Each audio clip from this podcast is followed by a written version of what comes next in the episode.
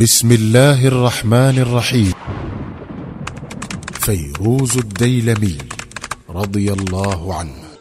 لما اشتكى رسول الله صلى الله عليه وسلم بعد عودته من حجة الوداع وطارت الأخبار في أرجاء الجزيرة بمرضه ارتد عن الإسلام الأسود العنسي في اليمن ومسيلمة الكذاب في اليمامة وطليحة الأسدي في بلاد بني أسد. وزعم الثلاثة الكذابون أنهم أنبياء. أرسل كل منهم إلى قومه كما أرسل محمد بن عبد الله إلى قريش. كان الأسود العنسي كاهنا مشعوذا. أسود النفس مستطير الشر. شديد القوة ضخم الهيكل. وكان إلى ذلك فصيحا يخلب الألباب ببيانه داهية قادرا على اللعب بعقول العامة بأباطيله. وإغراء الخاصة بالمال والجاه والمناصب وكان لا يظهر للناس إلا مقنعا لإحاطة نفسه بهالة من الغموض والهيبة. وكان النفوذ في اليمن إذ ذاك للأبناء وعلى رأسهم فيروز الديلمي صاحب رسول الله صلى الله عليه وسلم. والأبناء اسم يطلق على جماعة من الناس آباؤهم من الفرس الذين نزحوا من بلادهم إلى اليمن. وأمهاتهم من العرب. وقد كان كبيرهم باذان عند ظهور الإسلام ملكا على اليمن من قبل كسرى عظيم الفرس. فلما استبان له صدق الرسول وسمو دعوته خلع طاعة كسرى ودخل هو وقومه في دين الله فأقره النبي على ملكه وظل فيه إلى أن مات قبيل ظهور الأسود العنسي بزمن يسير.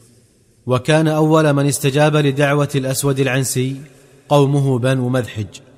فوثب بهم على صنعاء وقتل واليها شهر بن باذان وتزوج من امرأته آذاد. ثم وثب من صنعاء على المناطق الأخرى فجعلت تتهاوى تحت ضرباته بسرعة مذهلة حتى دانت له البلاد الواقعة ما بين حضرموت إلى الطائف وما بين البحرين والأحساء إلى عدن. وكان مما ساعد الأسود العنسي على خداع الناس واستمالتهم إليه دهاؤه الذي لا حدود له. فقد زعم لأتباعه أن له ملكا ينزل عليه بالوحي وينبئه بالمغيبات. وكان يؤكد هذا الزعم بعيونه الذين بثهم في كل مكان ليقفوا على أخبار الناس وينفذوا إلى أسرارهم ويتعرفوا إلى مشكلاتهم ويكشفوا عما يتلجلج في صدورهم من الاماني والآمال ثم يأتوه بها سرا.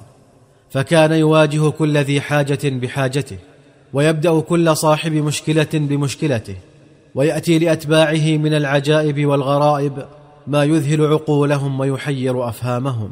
حتى غلظ أمره واستطارت دعوته كما تستطير النار المستعرة في الهشيم اليابس. ما كادت تبلغ النبي صلوات الله وسلامه عليه أنباء ردة الأسود العنسي ووثوبه على اليمن حتى سير نحو عشرة من أصحابه برسائل إلى من يتوسم فيهم الخير من أصحاب السابقة في اليمن يحضهم فيها على مواجهة هذه الفتنة العمياء بالإيمان والحزم ويأمرهم بالتخلص من الأسود العنسي بأي وسيلة.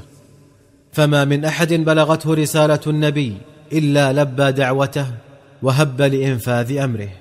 وكان أسبق الناس استجابة لندائه بطل قصتنا فيروز الديلمي ومن معه من الأبناء. فلنترك الكلام له ليروي لنا قصته الفذة الرائعة. قال فيروز لم نرتب أنا ومن معي من الأبناء لحظة في دين الله ولا وقع في قلب أي منا تصديق لعدو الله.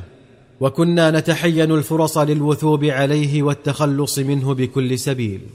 فلما وردت علينا وعلى أصحاب السابقة من المؤمنين كتب رسول الله صلى الله عليه وسلم تقوى بعضنا ببعض وهب كل منا يعمل في جهته.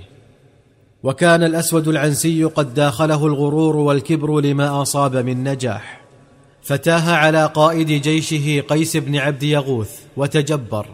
وتغير في معاملته له حتى صار قيس لا يأمن على نفسه من بطشه. فمضيت إليه أنا وابن عمي داذويه وأبلغناه رسالة النبي عليه الصلاة والسلام ودعوناه لأن يتغدى بالرجل قبل أن يتعشى به. فانشرح لدعوتنا صدره وكشف لنا عن سره ورآنا كأننا هبطنا عليه من السماء. فتعاهدنا نحن الثلاثة على أن نتصدى للمرتد الكذاب من الداخل بينما يتصدى له إخواننا الآخرون من الخارج. واستقر رأينا على أن نشرك معنا ابنة عمي آذاد التي تزوج بها الأسود العنسي بعد قتل زوجها شهر بن باذان. مضيت إلى قصر الأسود العنسي والتقيت بابنة عمي آذاد وقلت لها يا ابنة العم لقد عرفت ما أنزله هذا الرجل بك وبنا من الشر والضر فلقد قتل زوجك وفضح نساء قومك وأهلك كثيرا من رجالهم وانتزع الأمر من أيديهم. وهذا كتاب رسول الله صلى الله عليه وسلم إلينا خاصة وإلى أهل اليمن عامة يدعونا فيه إلى القضاء على هذه الفتنة. فهل لك أن تعينينا عليه؟ فقالت أعينكم على أي شيء؟ فقلت على إخراجه فقالت بل على قتله. فقلت والله ما قصدت غير ذلك ولكني خشيت أن أواجهك به. فقالت والذي بعث محمدا بالحق بشيرا ونذيرا ما ارتبت في ديني طرفة عين وما خلق الله رجلا أبغض إلي من هذا الشيطان. ووالله ما علمته منذ رأيته إلا فاجرا اثيما. لا يرعى حقا ولا ينتهي عن منكر. فقلت وكيف لنا بقتله؟ فقالت إنه متحرز متحرس لنفسه وليس في القصر مكان إلا والحرس محيطون به غير هذه الحجرة النائية المهجورة. فإن ظهرها إلى مكان كذا وكذا على البرية. فإذا أمسيتم فانقبوها في عتمة الليل وستجدون في داخلها السلاح والمصباح. وستجدونني في انتظاركم ثم ادخلوا عليه واقتلوه. فقلت ولكن نقب حجرة في مثل هذا القصر ليس بالأمر الهين فقد يمر بنا إنسان فيهتف ويستصرخ الحرس فيكون ما لا تحمد عقباه. فقالت ما عدوت الحق ولكم عندي رأي. قلت ما هو؟ قالت ترسل غدا رجلا تأتمنه على هيئة عامل. فآمره أنا بنقب الحجرة من الداخل حتى لا يبقى من النقب إلا شيء يسير.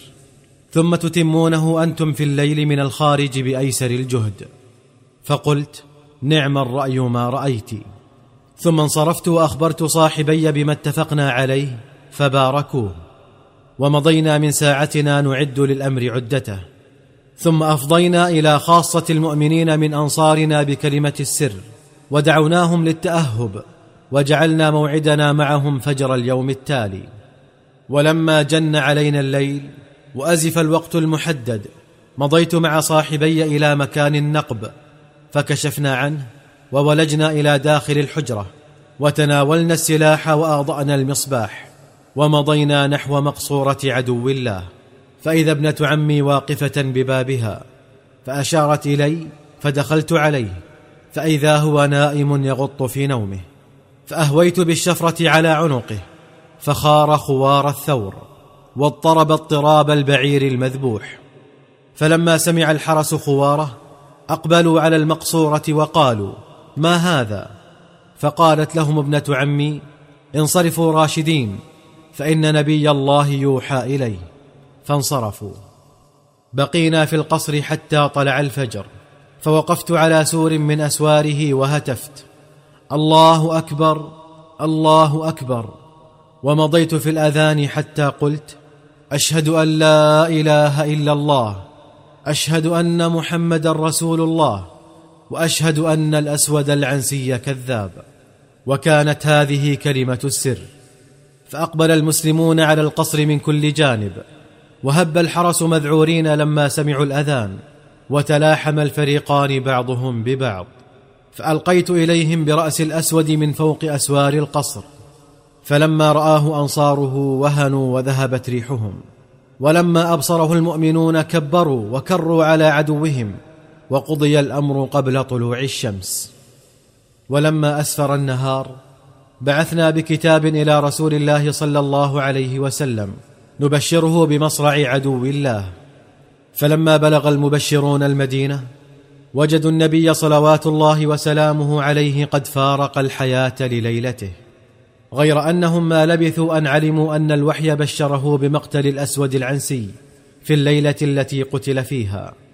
فقال عليه الصلاة والسلام لأصحابه قتل الأسود العنسي البارحة قتله رجل مبارك من أهل بيت مباركين.